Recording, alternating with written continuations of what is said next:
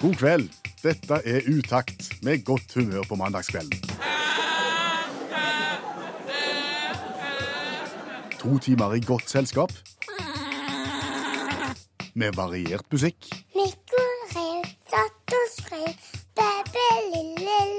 Per Øystein Kvindesland. Og Bjørn Olav Skjæveland. Jeg erklærer herved Radioprogrammet Utakt for åpnet.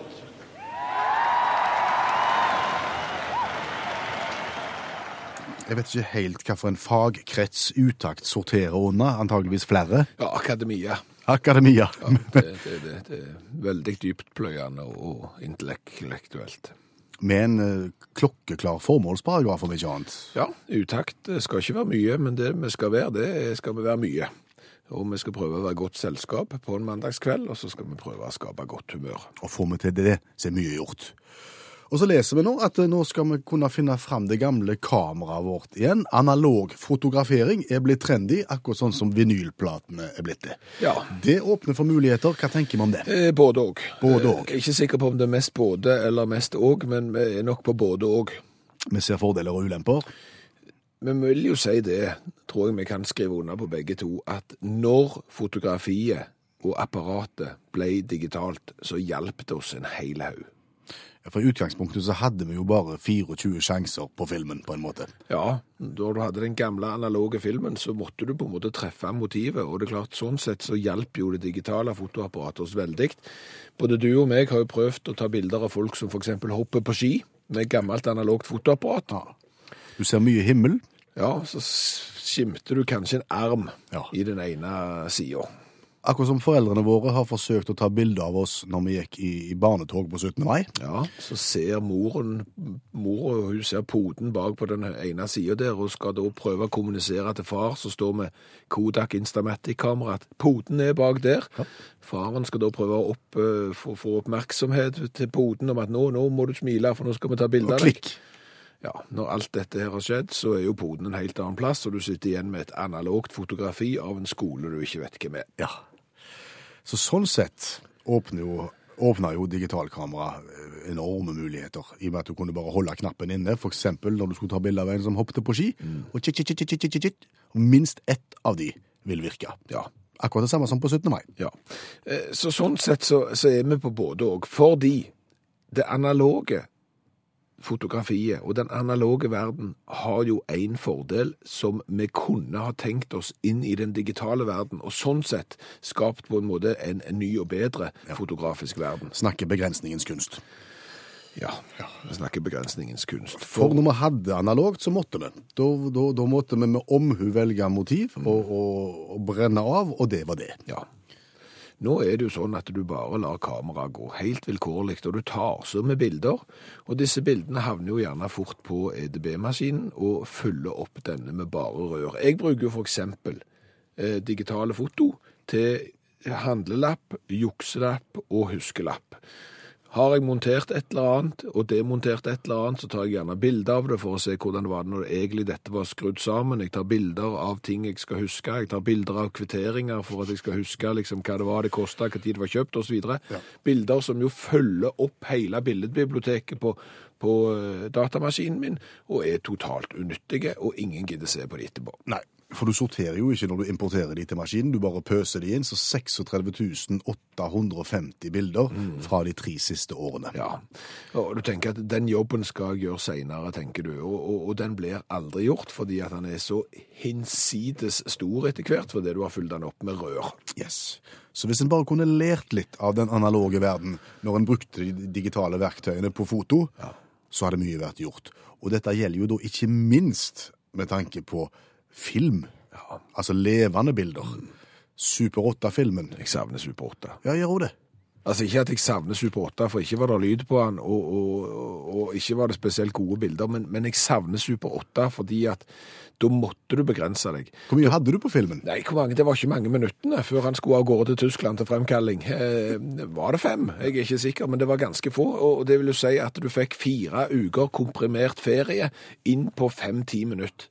That's it. sant? Så kom jo videokameraene, og gjerne de digitale, med digitalt bånd, med digitale harddisk, som var så store at det da gikk kamera hele ferieturen. Du ble da sittende og se på en sightseeing av hele Paris. Fra A, du går på bussen, til B, du går av. Yes. Og det er nikjedelig. Du har gjerne en halv time lite barn, sitter rolig i stol. Ja, og, og venter på at de skal si sitt første ord, Ja. og det kommer ikke. Nei. Dermed så må du se på det neste klippet, som er at vi venter på akkurat det samme. Og dette monterer du også inn, importerer du også inn på EDB-maskinen, og har da 47 timer, 859 minutter med film som du heller aldri ser på. Og du skal ordne opp i det litt senere. Ja, og kommer jo aldri til å skje. Så det vi ønsker oss, det er jo vi beholder det digitale, vi hiver oss ikke på denne analoge trenden her. Men vi gjør ikke det, for vi syns det er bedre digitalt. Men ta med deg en analog tankegang inn i dette. Ta med deg begrensningens kunst. For du hører utakt i NRK P1. Ja, hvor vi nettopp snakket om analogt fotografi. Ja, Og at det nå eh, visstnok skal bli, være trendy igjen. Og hvis det er noen som sitter rundt radiokabinettet sitt nå med ja, gyngestolpledd og, og, og pipe, og, og tenker at nå skal de bli trendy igjen, så har vel vi en liten advarsel å komme med. ja, for skal du ta fram det analoge kameraet ditt, så må du kanskje ta med fram den analoge blitsen òg, Ja. og sette på toppen. Ja. Og, for de som er gamle nok til å huske det, så, så var det jo kubeblits. Ja, fire blink, stapt oppå kameraet. Det gikk rundt av seg sjøl. Ett blink per gang. Det, det var rett og slett fire lyspærer som på en måte smalt og ga mye lys. Nå hørtes vi kanskje gamle ut hvis du sitter foran det samme radiokabinettet og tenker de der i studio, nå er de gamle sammen. Det var den du hadde. Fire lyspærer og ei lyspære poff, gikk av hver gang du trengte blits. Og som eh, barn så kunne en jo leke med disse her blitzkuene. En kunne ta det av kamera, åpne mekanismen, ta ut pærene og gjøre nifseting med de. En kunne slå på de med hammer. Smalt godt. Ja, en kunne trykke på de og, og, og fyre de av manuelt og lage små bomber og så videre. Så all, masse ikke gjør dette hjemmeting. Mm. Og en siste ting nå, siden vi snakker om dette med analogt foto og eh, blits. Det er nå advarselen kommer. Skal du nå være trendy og finne fram Kodak Instamatic-kameraet ditt med kubeblits igjen, så vær uhyggelig varsomme på at du ikke tar kubeblitsen og legger den fysisk inn på øyeeplet. Øyeeplet. For å få til det så må du holde øyelokket opp manuelt med fingrene, og så legger du blitsen helt inn på øyeeplet, og så får du en kamerat til å trykke av blitsen. Det vil vi eh, rett og slett advare mot på det sterkeste. Ja, for dette er blitt gjort. Eh, jeg må jo spørre deg, Ja. ble det lyst den gang? Det ble veldig lyst. Ja. Det ble veldig, veldig lyst. Hvis du har vært i Syden, lå og solt deg på, på en, ei strand og sitter opp mot sola, så er det jo lyst selv om du har øynene igjen. Når du tar kubeblits og fyrer av den én millimeter ifra øya, så blir det mye lysere. Ok, og det varer en stund nå, kanskje? Det varer veldig mye lenger òg, ser du. Det- Flere timer? det- Vi snakker dager. Snakker vi uker? Vi snakker uker, og, og du kan si at eh, når rommet er begmørkt, og rullegardinene er tatt ned, og, og lyset er slått, slått av, og øynene er igjen, så er det fremdeles veldig lyst. Og, og du får en litt sånn rar eh, firkant. Jeg ser litt sånn for meg at dette er nesten som å komme til himmelen, bare at den passasjen er ikke oval eller rund, sånn som den er i, liksom, jeg ser for meg, her er den firkanta. Ja, ok. Så det er på en måte nesten en sånn en opplevelse du får. Du anbefaler ingen å gjøre det samme? Nei, Nei. det gjør jeg ikke. Ikke legg kubeblits inn på øyeeplet, hold øya åpent og få en kamerat til å trykke av. Hvorfor i hoen gjør vi det? Hvorfor gjør du sånn? Altså, hvorfor gjør du det? det... Var du ung og uerfaren? Ja, for så vidt så var det jo det, men altså, dette var på en hyttetur, en guttetur, og, og, og jeg gjorde det jo fordi at jeg var blitt litt immobiliserte, for å si det sånn. Jeg hadde litt vondt for å komme meg rundt, og dermed så må du jo finne på den moroen du kan der du sitter. Var du skada? Ja, eh, fordi at tidligere på dagen, sant, så, så er det jo det andre spørsmålet som du ser òg Altså, du lurer liksom hvordan vil eh, øyet reagere på blits. En annen eh, naturlig tanke å ha når du er på guttetur, det er jo f.eks. hvor fort går det an å stå på rullebrett bak moped? Nettopp, og det var foranledningen for at du var noe immobile. Ja, for det at da, da heiv vi oss bak til han som hadde den raskeste mopeden. Det gikk i 75, den gamle mopeden hans, og så sto jeg bak på rullebrett. Og han gaste på. Dette var på Jæren, der er jo paddeflatt. Og etter hvert så ble farten ganske formidabel, og når vi passerte 65, så begynte dette rullebrettet å vibrere noe kolossalt. Hva tenkte han som sto på brettet da? Nei, da tenkte du at her, dette går ikke godt, så her må du hoppe av. Du hopper av, ja, i 65 km i Det er det som er tabben. fordi at det, å begynne å springe fra 0 til 65 på ca. en tidel, det går særdeles dårlig. Dermed så går du jo rett på snørret Ja. Og ruller en 10-15 runder før du befinner deg da unna et, har rulla unna, unna et gjerde og befinner deg alene sammen med en hest.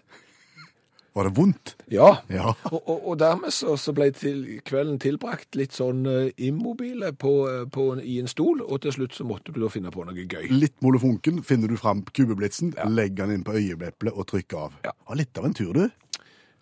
Kjempe. Og hver mandag så får vi besøk av allmennlærer med to vekttall i musikk, Olav Hove. Velkommen igjen. Hjertelig takk. Olav, hjelp oss. Ja, han hjelper oss med ting som vi ikke har eh, greie på. Og for eksempel så har jo ikke vi et veldig godt og avklart forhold til det som kalles for drive-through. Når du kjører inn og, og skal få deg en hamburger, eh, eller faktisk i Norge at vi kan kjøre inn og få oss eh, justert eh, tofir, eh, litt panel og, og sånn for, for trevarer og hva drive-through i Norge. Du er opptatt av drive-through. Ja, jeg er det. For det er de to vi har i Norge. da. Hamburger og plank. Mens i USA har de litt flere ting å velge mellom. Det var en sak i dag om byen Parachute i Colorado. Den må... Interessant navn på en by. Når åpna den? Ja, og apropos, eh, apropos parachute og flyging, de har nettopp åpna et sånt drive-through marihuana-utsalg. Det er lov å selge marihuana i Colorado. Europeiske medier hever seg på dette her, og, Robert Golding, som er talsmann for marihuanahåndhevingsetaten i Parachute, han syns det er litt merkelig. Sammen med ordføreren der. Han, eh, Roy McClurry, han heter, han eh, skjønner heller ikke at det er noen nyhetsverdi her, da. Og det er kanskje fordi at ikke vi har så mye drive-through, men i Amerika har de, og kanskje vi har noe å lære. Der har du for eksempel drive-through stemmelokale. Det er praktisk begynt i Eldorado i California. Der kunne du da ved presidentvalget i 2008 sette deg i bilen, kjøre inn og stemme. Så slapp du å gå ut av bilen i det hele tatt. Og nå har det spredd seg, så det var faktisk eh, 48 stemmelokaler ved forrige presidentvalg nå med, der Trump vant, der du eh, kun kunne sitte i bilen og stemme. Og, og, og det, som de sa, når det skal være køer og folk utenfor kjøpesenteret for å stemme, så er det mye bedre at det er køer og biler, for folk skaper, skaper problem. Så det er det ene av de. Drive-through eh, akuttmottak, har hørt om det. Stanford Hospital i, i Connecticut de eh, oppretta et såkalt drive-through akuttmottak under SARS-epidemien i 2004. Det var så vellykka at de har fortsatt. Det er visst veldig bra når det gjelder svineinfluensa og miltbrann og den type ting. Men det viser seg at hvis doktoren stikker hodet inn bilvinduet eh, til en pasient, så bruker han mye mindre tid på undersøkelsen enn inne på et kontor. Ja, og trenger du oppmuntring og åndelig påfyll, så fins det flere drive-through kirker. Eh, eksempel Main Place Christian Fellowship. Der er ei lita bod du kan kjøre inn til. Så kan du få nærkontakt med presten. Én-til-én-samtale. Dagens bibelord og mulighet for nattverd. Um, du ruller ned vinduet, dette er Jesu legeme, og så Ja. kjører du videre og ruller ned vinduet igjen. Dette er Jesu blod. Alle tider. Kjempegreit. Suksess in Life Center i Houston tilbyr det samme, men det er kun for fotgjengere. Det har ikke vært så suksessfullt, og det vet jeg, for jeg har vært i Houston. Det finnes ikke en eneste fotgjenger der. Alle kjører. Um, Drive-through lokalpolitiker er blitt prøvd. Kommunestyremedlem Kevin Murphy i Scranton i Pennsylvania, han hadde drive-through-kontor. For å få nærmere kontakt med sine velgere. Da kunne du kjøre inn og så si det, hva du syns om tak, saker og ting. Hadde åpent torsdager og fredager fra ni til fem. Um, han ble ikke gjenvalgt, i, for, for å si det sånn. Um, så dermed så har ikke, det har skrota det litt. Grann, da. Uh, og så er det jo, Vi kjenner jo sikkert mange som går med gifteplaner. sant? Og så tenker de sånn Nei, vi kan ikke gifte oss, da må vi gå ut av bilen. Ja. sant? Ja. Et vanlig problem. Og, og da har jo de selvfølgelig tenkt på Las Vegas er plassen, selvfølgelig. Tunnel of Love Wedding Chapel. Drive-through. Der kan du kjøre inn, og så kan du eh, kan du bli via i, i bilen din, så slipper du det kavet der med å gå ut. Kan du få kjøpe brus og, og slike ting. Til og med middagen kan du få i bilen, da. Og, og servering i baksetet. Eh, mye gode drive-through, da vil jeg ikke nevne eh, Robert L. Adams drive-through likskue og minnestund i Los Angeles. Da syns jeg blir litt for drøyt. Kjør forbi og se liket. Ja, det er fort gjort, da. Må få si tusen takk til allmennlærer med to vekttall i musikk, Olav Hove. Nå nyheter.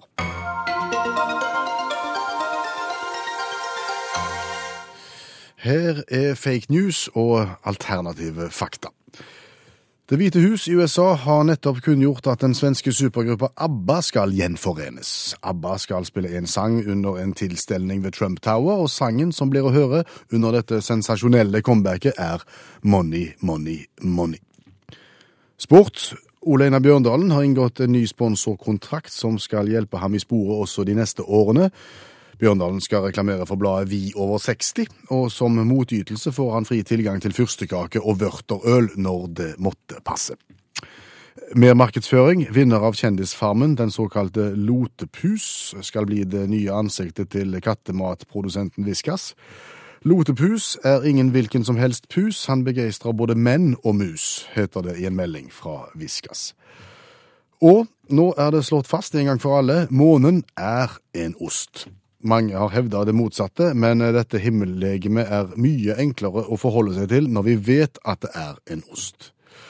Alle har et forhold til osten, og interessen for månen vil kunne øke når vi forstår hva den består av, heter det i en uttalelse fra rakettetterforsker Synnøve Finden. Det var fake news og alternative fakta ved Per Øystein Kvindesland.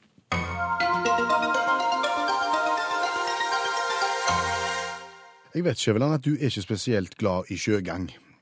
Nei, jeg er ikke glad i sjøgang. Jeg er veldig lite sjøsterk, men det er ikke sånn at jeg er redd for eh, bølger. Det er ikke sånn at jeg blir redd når jeg er på båt, jeg blir bare kvalmen. Jeg blir redd når jeg treffer mus eller rotter. Ordentlig redd? Ja, altså, jeg, jeg, jeg nesten kaller det en fobi, for det er sånn at eh, hvis katten har tatt livet av en mus i hagen, eh, så må jeg ut med spade. Og du kan ikke ta den i halen og løfte den opp? Jeg er spinn hakkende galen.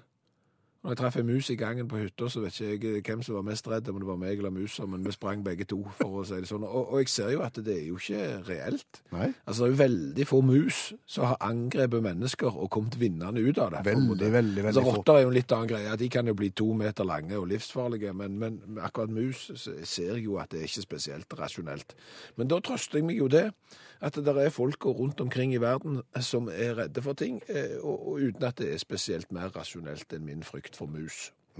Berømte mennesker, faktisk. Ja. For eksempel en av de tøffeste i hele Hollywood, det er jo Keanu Reeves.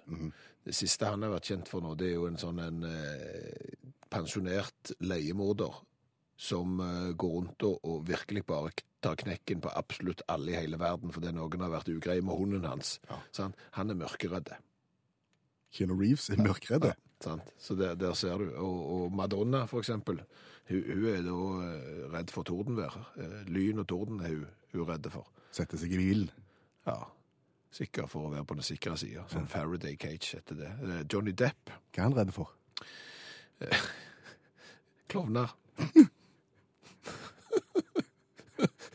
Frykt for klovner. David Beckham, for eksempel. Ja. Han, han er livredd for rot og uorden. Så han er sånn manisk på at det, det må være ryddig og, og rent rundt han, og at ting ligger på, på rett plass. Og han koordinerer visstnok ting og arrangerer ting i partall og sånn. Det høres jo ut som mer enn bare en frykt. Det høres ut som noe annet òg. Men det- før du går videre, siterer du oppslagsverk nå, eller hvor kommer dette her fra? Nei, dette kommer fra, dette kommer fra internettet, og hvis det står på internett, så er det jo sant. Ja, det er sant. Eh, og en av de som vi vet er redde for ting, det er jo Woody Allen. Ja, jeg er redd for alt. Ja, det er nettopp det som er poenget. Han er redd for absolutt alt, og det er òg en fobi, når du er redd for absolutt alt. Altså, han er jo redd for eh, høyder, det er jo én ting, lukka steder, insekter, han blir til og med vettskremt av lyse farger. Heiser og, og solskinn. Og I tillegg så er han jo nevrotisk på toppen av det hele. Visstnok så er det sånn at dusjavløpet hans må være i et hjørne. Og når han skal ha banan til frokost, så må den kuttes da i syv stykker. Ja, Så det er jo òg en ting. Pamela Andersen er redd for speil. Er det mulig? Ja, er det mulig? Altså, når du ser ut som Pamela Andersen, iallfall i glansdagene, og, og ser deg sjøl i et speil, så er det ikke mye å være redd for. for Det er det sånn. mulig du har blitt mer redd med åra. Ja, det kan være. Etter hvert som, som verden har seget litt ned, og, og, og silikonen har seget litt opp. Men det er noe annet. Eh, Nicole Kidman, hun kjenner vi til. Ja. Hun er ikke redd for edderkopper og sånne ting. Hun Redd for er- Tom Cruise? Det er hun sikkert òg nå. Men hun er da redd for sommerfugler. Det er jo bare skjønne. De er jo livsfarlige når de setter seg i strupen på deg og begynner å bite alt de kan og suge blod. Nei, det er ikke så, ja. Helt til slutt, Alfred Hitchcock han er kanskje en av de rareste fobiene jeg har hørt om. Han er da, og- dette er jo en mann som har lagt blant annet film om høydeskrekk og, og andre ting, redde for fugler og sånn, så, så han har på en måte virkelig utforska den delen av menneskesinnet. Han er da redd for egg. Alfred Hitchcock var redd for egg. Ja, han var redd for egg, og han falt helt fra studien. Han, han skal visstnok aldri ha smakt på et egg i, i hele sitt liv. Han tålte ikke det der at det var noe hvitt rundt, og, så, og det gule inni, og, og det bare liksom Det var ingen åpning, og så plutselig så sprakk det, og så kom det noe gult ut. Det, det klarte han ikke, så han ble helt, da ble han opprørt. Eggfobi? Det heter noe sånn som ovofobi. Skal komme på det òg. Skulle hatt en fobisang nå. Å ja. For- Eller var det mer? Ja, ja, nei, der er, der er forbisanger, og, og kanskje av en av de eh, nordmennene som òg er, redd for, for flest ting, og er mest nevrotiske, det er jo Jan Eggum. Han har skrevet en egen sang om fobier. Hva heter den? Den heter en nattfobi. Var det spørsmål? Må vi ut i verdensrommet? Om vi må ut i verdensrommet? Ja. Det kan ikke jeg svare på. Nei, for så vidt ikke jeg heller, men jeg ble sittende og se på en dokumentar eh, om astronomi og såkalte svarte hull. Ja. Eh, utrolig interessant, faktisk. Men, men der hadde de jo da intervjua en hel haug med folk som hadde dette som eh, yrke, og hadde hatt det som yrke hele livet, og, og kikka opp mot eh, verdensrommet. Og stort sett ikke se noen verdens ting eh, før de får seg et sånn et gigantisk teleskopgreier, og så har de brukt resten av livet derfra og ut på å se på svarte hull. Det er svarte arbeidet. Og, og så tenkte jeg på eh, Må de? jo, men altså, hva får vi igjen? Altså, jeg, for å si sånn, vi, vi driver ja, kanskje ikke med spesielt produktivt arbeid, meg og deg heller, så jeg skal, jeg skal ikke sitte her og kritisere, men, men jeg bare tenkte som et sånn tankeeksperiment. Hva hvis det ikke var noen som jobbet med å kikke ut i verdensrommet og tenke på hva som var der ute? Hadde vi hatt omtrent sånn som vi har det i dag da, eller hadde vi ikke det? Jeg håper at eh, vi har fått veldig mye igjen for det, fordi det koster ganske mye, det arbeidet som blir gjort Ja, det, det, ja, det, Så hvis det er meningsløst, så- er det toskeskap. Ja, men det- altså, det er ikke, det, det er ikke gratis. Nei, det gjør ikke det. Altså, for eksempel det å lande på månen. Ja. Ja, hva OK, vi har fått igjen noe sånn frysetørra mat. Det, det er fordi når de spiser i verdensrom og sånn, og så har vi fått noe sånn toalett så du kan gå på uten at det kommer noe ut og noe greier der, og så har vi fått kulepenner som kan skrive vektløs tilstand, og sikkert en hel haug med andre ting òg. Mikrobølgeovner, jeg vet ikke hva. Men, men liksom, hva er poenget med å dra til månen? Altså Hvis svaret er fordi det er tøft, Ja. så er jo det et artig svar, og et, Ja. et godt svar på mange måter, men jeg håper jo igjen at, at det er mye viktigere årsakssammenhenger. Ja, ja. Og, og hva skal vi på Mars? Altså, vi har, jo, altså, vi har jo allerede nå, bare med de som har jobbet med astronomi eh, en stund, eh, de har jo funnet ut at der går det ikke an å være. Sånn, du kan ikke liksom bare flytte opp der og så slå opp et sånn solseng og, og sette opp telt, liksom. Det, det, er ikke noe beboelig. Liksom, OK, hva er den her? Nå er det vel sånn at de Det er vel noen sjeiker nede i Arabien og har bestemt at de skal ha en kommersiell rute til Mars i løpet av 20 et eller annet. Det, det er vel de samme som har lagd litt kunstige øyer og litt forskjellig i, i Dubai-området. Ja, ja, men sant. De pleier, pleier, de der- pleier å få til det som de vil, de. Ja, de gjør jo det, men der har de ørken, sant? Og så har de funnet ut at vet du hva, vi gidder ikke å ha ørken her. Sånn at da har de pumpet opp litt vann, og så har de fått lagt noe mirakels, og så Og de gjør det jo ikke sjøl, de bare betaler for det. Og kanskje det er de samme de tenker at de skal gjøre på Mars, men hvorfor det? Så, så jeg, jeg, Jeg tror at det, eh, det er masse å hente på det. Jeg tror det handler, det, det handler om forskning, det handler kanskje om medisin, det handler om behandling av ja, mye. ja. Nei, jeg håper jo eh, at du har rett. Ja. At, vi får mye igjen for det. For det er som du sier, det er ganske mange som jobber med det, og det er veldig dyrt. Men, men som vi vet, for vi har jo hatt besøk av allmennlærer Olav Hove nå i, i mange år, og han har jo satt fingeren på at det er jo en del forskningsinstitusjoner rundt omkring i verden som har fått ganske mye midler til å forske på ting som overhodet ikke er vits i. Ja, det er lite nei-folk i de miljøene der. Ja, og det er klart liksom når du har brukt fire år på jobben din med å finne ut av hvordan responderer elefanter på, på narkotika eksempel, så, så kan du jo begynne å tenke på nytteverdien. Og da er det kanskje like greit å se på svarte hål og, og på planeter og, og, og stjerner som er så langt vekke at du vet at vi aldri kommer til å besøke de i det hele tatt.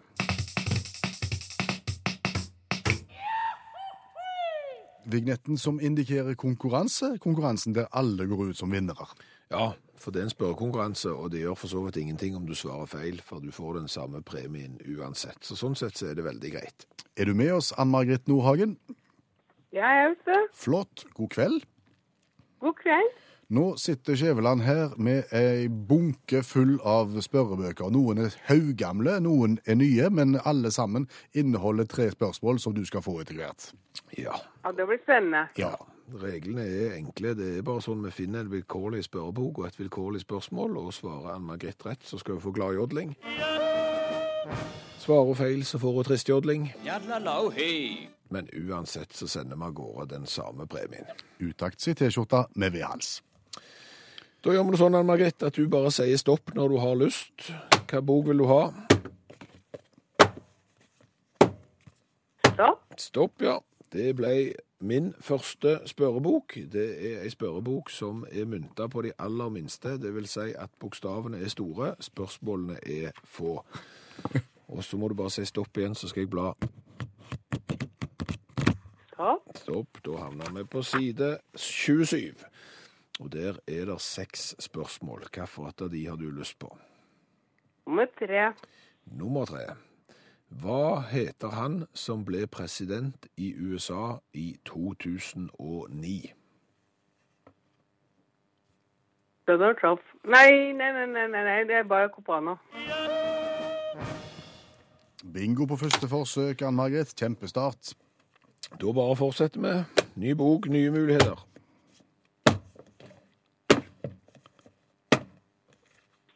Stopp. tusen 1000 spørsmål fra Geni, et vedlegg til Norsk Ukeblad påsken 2016. Der er det 64 sider. Hvilken side kunne du tenkt deg da? Hvor mange sider sa du? 64. 55. 55. Det er der. Og da er temaet Det er så liten skrift her, vet du. at det, Temaet er Norge. Temaet er Norge, og der er det 33 spørsmål å velge i. Ja, 27. 27. Når feires samefolkets dag? Mm, skal vi se eh, Herlighet. Akkurat vært. Skal vi se, det er eh, 6. februar. Det er jo fantastisk. Kjempebra. Nå går det veien. To av to. To av to. E- Ett forsøk igjen, og uansett så må jo dette karakteriseres som en suksess. Bare si stopp. Ja, det høres jo veldig bra ut.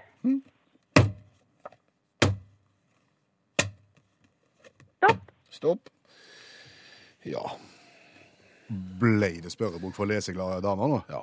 Det ble spørrebok for eh, leseglade damer. Den er ganske vrien, Ann-Margret. Der har vi slitt med å få rette svar. Ja. Der er 144 sider, og du går for side Ja, skal vi se. Side 1. Ja, da er vi på innholdsfortegnelsen, men vi kan gå på det første. Vi kan gå Ja, på det side første. 15, da. Ja, side 15. Da er vi der, og vi har kommet inn i det som kalles for det blå rommet. Og det blå rommet det består av åtte spørsmål, og du kan velge en av de. Åtte, da. Åtte. Filosofen Rosie Braidotti og Sandra Harding, som høsten 1998 begge var på besøk i Norge, skrev i 1991 hver sin banebrytende bok med følgende titler. Whose Science, Whose Knowledge og Patterns of Dissonance. Knut riktig forfall Nei, knytt riktig forfatter til riktig tittel. Jeg har absolutt ingen støring. Nei, men OK, sant? Da har du Rosie, Rosie og Sandra. Det er de to navnene du har. OK? Ja. Og så er det en av de har skrevet Whose Science, Whose Knowledge, og Den andre har skrevet Patterns of Dissonance. Hvem har skrevet hvilken bok? Hvilken bok tror du Rosie har skrevet? Rose har skrevet bok nummer én. Bok nummer én. Skal vi se. Hun har skrevet bok nummer to. OK, Ja, det var for fif- meg. det var 50-50. Altså Rosie hun har skrevet Patterns, og Sandra har skrevet Who's Science. Jeg håper du, du noterer dette, Ann-Margret, så du har det med deg videre nå. Dette er kunnskap du Jeg alltid jeg, vil få helt ærlig så tror jeg det aldri er veldig glemt. Det kan se sånn ut. Ja. Men jeg tror vi skal si at det var en suksess uansett. Jeg. To av tre og T-skjorta på vei i posten til Oslo. Tusen takk for at du var Utrolig med. bra. Første forsøk. Ja, det er bra. Jeg har bodd fire år på Jæren, så det ble helt utrolig. Og vi skal utenriks, Skjæveland, og vi skal utenriks for å drikke cola. Ja, vi kom til Utakt sin store colatest, eh, eller coladugnad, eh, kall det hva du vil. Eh, Vi drikker da en cola fra et eh, nytt land eh, hver eneste mandag, og det gjør vi jo offisielt, eh, fordi at nordmenn er et reisende folkeslag, og, hvilken cola skal du drikke i hvilket land? Det er ikke alltid lett å vite. Nei, det er en jungel der ute. Ja. Dessuten så er det tøft å være det radioprogrammet som har drukket mest cola. I dag skal vi til Polen. Ja, der har vi vært ganske mange ganger før. Der har vi vært ganske mange ganger, men, men det er tydeligvis et rikt eh, colamiljø i eh, Polen. Ja, og Anja må vi takke. Anja er hoffleverandør av cola til programmet Utakt. Anja reiser mye og tar med seg cola, og i dag altså en ny variant fra Polen som heter Moon Brothers. Det er glassflaske. Svart skrukork på toppen. Altså sånn som liksom de tøffe ølflaskene har i film. Altså, du skrur av. Altså, pju, sant? Og så er det en svart etikett med hvit skrift, så det står Moon Brothers på. Eh, Så er det da fire dyr eh, som kan ligne på hund, men de passer nok best inn i en sånn tsjekkisk barne-TV-serie fra 1972, kan det nesten se ut som. Det er nok det kan skremme vannet av barn. Det er etiketten. Jeg skal legge ut bilde på Facebook-sida til Utakt øyeblikk, så kan du gå ut og se. Skal det på en måte være en sånn mystisk variant, dette? Er det det som er Ja, tanken? Søren, men, men det jeg har funnet ut om denne colaen, og det, det er ikke spesielt mye, mm. det er da at den her er liksom lagt av uten kunstige fargestoffer og kunstige tilsetningsmidler og uten konservering. Altså det er liksom så grønt så du kan få en eh, cola, og den selges da i helsekostbutikker, blant annet. Pleier å være et dårlig utgangspunkt for god cola. Ja, altså god cola skal være kjempeusunt.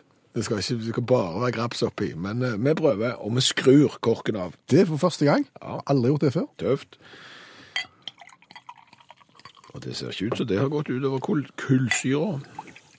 Og fargen er svarte som bare det. Mhm, Og nå er vi spent på smaken til var det Moon Brothers Moon Brothers fra. Polen. Skal komme på noe. ja, du skal det. Lukter ikke verst.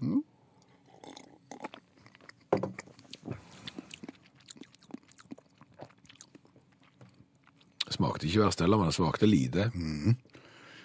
Den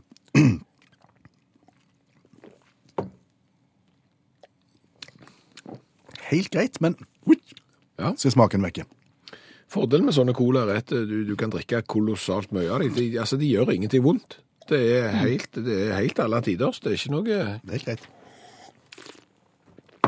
Det må bli en eh, Det er midt på det kan må bli en femmer, det jeg smak. Det kan ikke bli Ja, ja. Jeg går opp til seks, for jeg har smakt så mye vondt. Fem på deg, seks på meg, og så er det hvor kult dette her er. Jeg syns det er tøft, Det jeg. er råbarskt. Ja, med Skrukork, glassflaske og en etikett fra en omtrent som ser ut som han er fra Leika, Leica, pika fra verdensrommet-perioden til når Tsjekkia var størst på barne-TV. Den, eh, det er en åtter i design, vil jeg si. du går for åtte. Ja. Jeg, det her er det noe av det tøffeste jeg har sett. Ni. Jøss. Da blir det litt poeng til Moon Brothers, da. Det blir mye her, ser du. Det blir 11 der, og så hiver du på 9 der, så har du 28. Da er du helt, helt, helt der oppe sammen med tetcolaene våre. Så eh, da skal jeg ta og legge ut bilde, og så kan alle få se på denne barske colaflaska. Tenk deg at du er ute og rusler, og plutselig så oppdager du et eller annet, og vips, så er du millionær. Ja. Det finnes sånne historier, eh, gjerne ikke om så mye rusleturer, men, men den der oppdagelsen av at plutselig noe du sitter på, eller eh, innehar, eller har kjøpt, er verdt mye mer enn eh, du trodde. Tenk så kjekt å få oppleve det. Hæ? Altså, det, Den første historien vår den er ikke sånn at det er en person som har blitt kjemperike på det, men det er jo litt artig for det. fordi at det, Atari har du hørt om. Atari er ikke det en produsent av sånne videospill? Jo. De, de lagde da et spill eh, om ET. Og da er vi jo tilbake på 80-tallet. Altså den rom, romfiguren ET? Ja, ET Phone Home. Eh, det ble visstnok Av en eller annen grunn da, så tok ikke det helt av, og akkurat det spillet der ble ingen eh, greie. Så det ble på en måte hevet på en båsplass, en sånn landfylling, og gravd ned. 1300 sånne spill. Og i 2014, da, i forbindelse med en eh, produksjon av en dokumentarfilm, så fant de disse her i New Mexico. Spillene? Ja. Gravde de opp. Og det som er greia da, da er det plutselig blitt et samleobjekt som folk hadde lyst på. Så denne, eh, dette historielaget som, som fant de, eh, og som var med på å grave de ut, de har tjent gode penger på det, kan du trygt si. De har tjent eh, nesten en million kroner. Artig. Det er bra. Ja, kanskje det var, var, det, var det en lokal Lions Club? Nei, det var Tull Tularosa Basin Historical Society er det som får eh, pengene for eh, dette. Men eh, apropos å sitte på verdier, da. Fordi eh, i et, ekte, et ektepar fra, fra Skottland Det må jo være fra Skottland, sånne historier. sant? De nadige folka. For det, nå, nå kjenner ikke jeg så mye til hun Angela og Angus. Men, men, men la oss nå si at de var skikkelig gniene.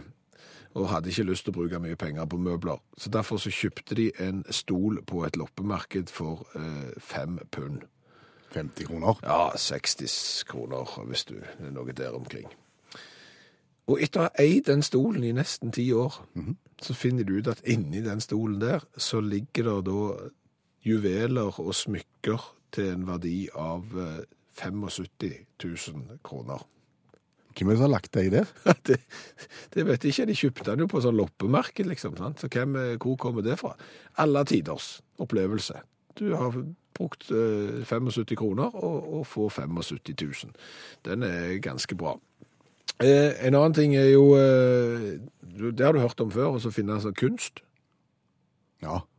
At plutselig så dukker det opp, liksom noen har malt en vegg og sånn, og det, det skjedde da inne på eh, I USA skal vi til nå, vi skal til New York. Eh, der var det en eh, arkitekt som i 2010 virkelig skjøt eh, gullfuglen, for å si det sånn, for da han fant et bilde i et hus som de hadde kjøpt, og, og det var liksom malt over og sånn, og det, det, det var verdt, hold deg fast,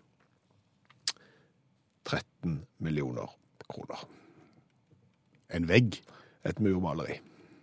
Så de fant under når de renoverte et hus. Det er, det er ganske show. Da stiger plutselig prisen på huset. Da kan du selge det for, for mye mer når du vil finne et veggmaleri som er verdt eh, 13 millioner kroner. Fantastisk. Du, Ja. jeg sitter på et fjernsynsapparat.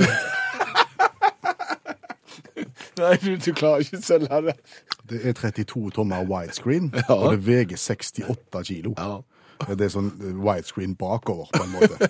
Kjempetjukt. Eh, Hvis vi bare venter lenge nok, Ja. kan det være at det er noe inni, at det er et billedrøyr som noen vil ha. Nei? Per Øystein Kvinnesland, som sitter i studio sammen med meg nå, han er den typen i verden som ikke kjøper ny teknologi først. Han kjøper teknologien akkurat når han er i ferd med å fases ut. Du er den siste som har 60 kilo widescreen-TV.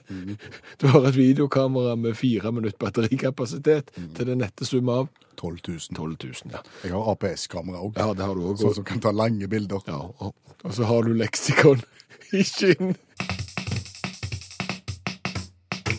Her er fortsatt allmennlærer med to vekttall i musikk, Olav Hove.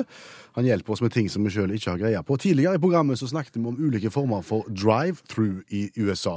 Her hjemme så har vi drive-through for hamburger og plank. I USA hadde de mye mer. Ja, de forlater ikke bilen hvis de ikke absolutt eh, må. Du kan til og med dra på likskue uten å forlate bilen. Det er godt gjort. Og mer er der. Ja, visste det da. Og eh, en er litt flink og eh, prøver liksom nye konsepter, da.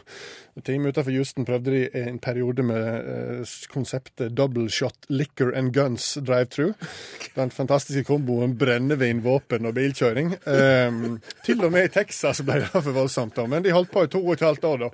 Og Da kunne du få ditt brennevin, ditt eh, automatvåpen, og mens du satt i bilen. Det er bokstavelig talt å bestille to shotter. Ja, det er jo det. det er double shot, det var det han heter. Så eh, Climax Gentleman Club i Pennsylvania, jeg kan tenke deg, det er det såkalt strippeklubb drive-through. Uh, Starta av Nick Climax i 2000. Eh, Er han født Climax òg? ja, han døde i 2009, og da ble, ble klimaksen nedlagt. Det viste seg å være litt vanskelig for sånn utrykningslag og slike ting. Vanskelig å stable så mye. Måtte ha maxi-taxi, og så var det diamantforma vinduer, så du fikk liksom ikke Satt du i baksetet, så mista du visst litt av opplevelsen. Eh, det er jo Mange menn har det jo slik at når kona drar deg med på, eh, på kunstmuseum, så kunne du godt tenkt deg å ha en raskebil. Det har de tatt konsekvensen av i Vancouver. Der de har Gallery of Contemporary Art Drive-Through. Da kan du kjøre gjennom museet og se på, på bilder som, eh, som ikke du skjønner hva ser ut som. Jeg håper det er høye fartsgrenser. Det er fort gjort. Ja. Ras gjennom i 80. Og Massachusetts Museum of Bad Art de har slått seg sammen med Rojos, bilvask, eh, slik at du kan kjøre gjennom og få vaska bilen din etterpå. Eh, få gjort ærend samtidig som du opplever stor kunst, altså. Eh, Drive-through cocktailbar. Eh, strålende stort fenomen i Louisiana. Chase Bourgois, som er leder for kjeda New Orleans Original Daiquiris i Lafayette. Han eh, han gjør det stort på salg av cocktail i, til bil. Um, han sier at du selger da eh, forskjellige typer drink, og så selger du sugerør med. Uh, men han er veldig viktig på at ikke du setter sugerøret ned i flaska når du kjøper det. Mest pop er en gallon med Long Island Ice Tea, og en gallon er 3,78 liter. Eh, så det er klart det er greit at du har mange av de restaurantene, så det er kort vei hjem. Eh, lei, lei, lei, lei, lei, ut og kjøre bil. Ja, og så har vi folk Når du kjøper cocktail i drive-truen og drikker 3,7 liter, så da får du kommer på, på, på kant med loven, og da har en heldigvis drive-tru-advokat Koshian Law Group i Connecticut de tilbyr eh, drive-thru da, eh, advokattjeneste. Sånn at du slipper å gå inn på et advokatkontor når du først kom på kant med loven. Eh, De, har ganske stor filial, eh, nesten 25 luker. Jeg vet ikke nesten 25 er, det er sikkert 24 da. Eh, såkalt nedlagt Kenny Roger Roasters, vet ikke det for noe? Nei, Kenny Roger Roasters. Fastfood-kyllingrestaurant stifta av Kenny Rogers. Eh, viste seg at han var en gambler, det slo ikke an. Og dermed så eh, tok Drive-Tru advokatene over. da. Eh, de sier at forberedelse til rettssaker skjer ikke gjennom bilvinduet. Det blir for useriøst. Men alt det andre er veldig seriøst. Kan jeg få synge en vignett? Hvis du må, og og hvis det er god radio. Jeg må, men jeg er litt usikker på om det er god radio. Da prøver vi, og så tar vi en heller en justering etterpå. Ok. 20 spørsmål for Studio K7, uten publikum og panel og orkester og sånn. Ja, jeg sier det som jeg har sagt det før, vi har litt å gå på sånn vignettmessig akkurat der, men tanken er god. Ja, det er jo en videreføring av det klassiske NRK-programmet 20 spørsmål, men her er det ingen panel og ingen publikum, og det er heller ingen som har sendt inn postkort med rare ord på.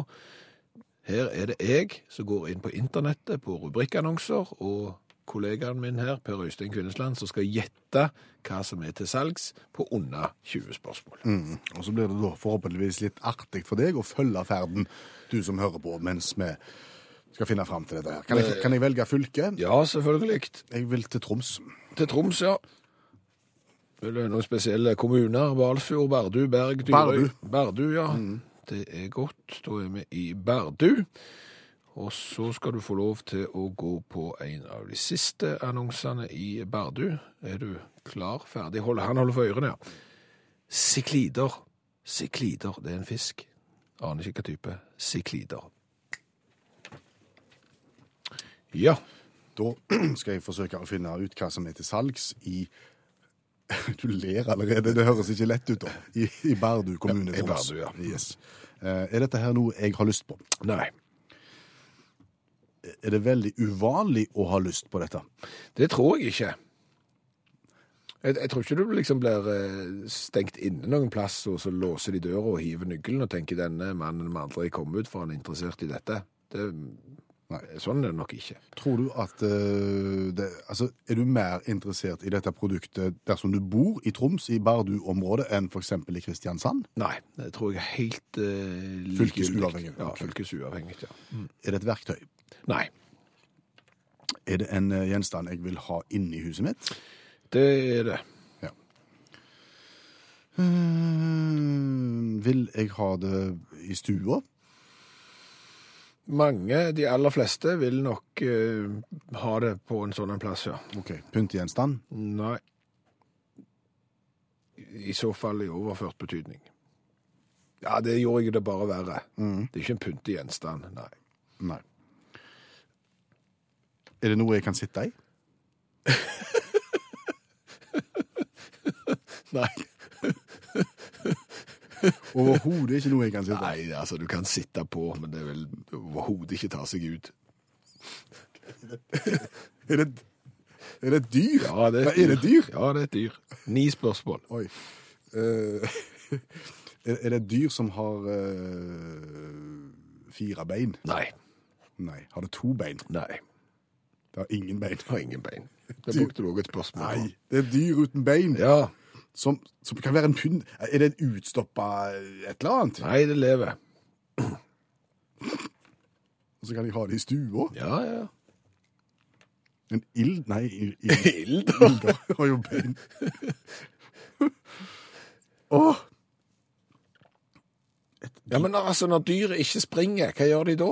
eh, Flyr det? Ja, men de har jo bein, de òg. Ja, det er det jeg får- Ja, ja. hvor mange dyr har du igjen da som kommer seg fram på vis uten bein og, og vinger? Jeg har lyst til å si pingvin, men de har bein. Nei, fisk har jeg. Fisk, ja. Fisk, selvfølgelig. Ja da. Ja. Ok, det er en fisk, Det er en fisk. som heter salgs i Bardu kommune. Ja. Er det en skrei? Nei.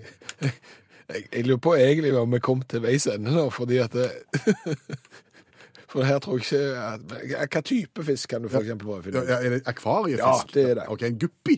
Nei. Jeg En perlegorami? Du kan jo dette. Du har et skjult akvariekunnskap. Det stopper nå? Ja, OK. Du skal fram Det her er såpass bra. Slørhale? Nei. 19. Oh. Ja, men, men, men det er helt greit, altså. Det er til salgs fire stykk uh, Hypospus nicaraguensis, eh, og såkalt siklider, og da får du fire siklider for en tusenlapp. Siklider det er en stort og variert eh, familie innen piggfinnefisk. Altså Noen av de minste er bare tre centimeter, mens de eh, største kan komme opp mot meteren, og det er noe sånt som mellom 13 og 1900 arter av syklider. Noen er matfisk, andre er akvariefisk. Og de som var til salgs i eh, Bardu, de var 17-20 cm lange, tre gutter og ei jente. Spørsmålstegn Oi. bak jenta. Eh, De er rolige og snille med nye fisker som kommer i karet, og de spiser alt av kjøtt til mat. Kjøtt? Ja, det står her. Og det er jo klart de er rolige og snille med nye fisk som kommer i karet nå, hvis de spiser alt av kjøtt til mat. Kom, kom til far, så skal Spiser alt glad i barn?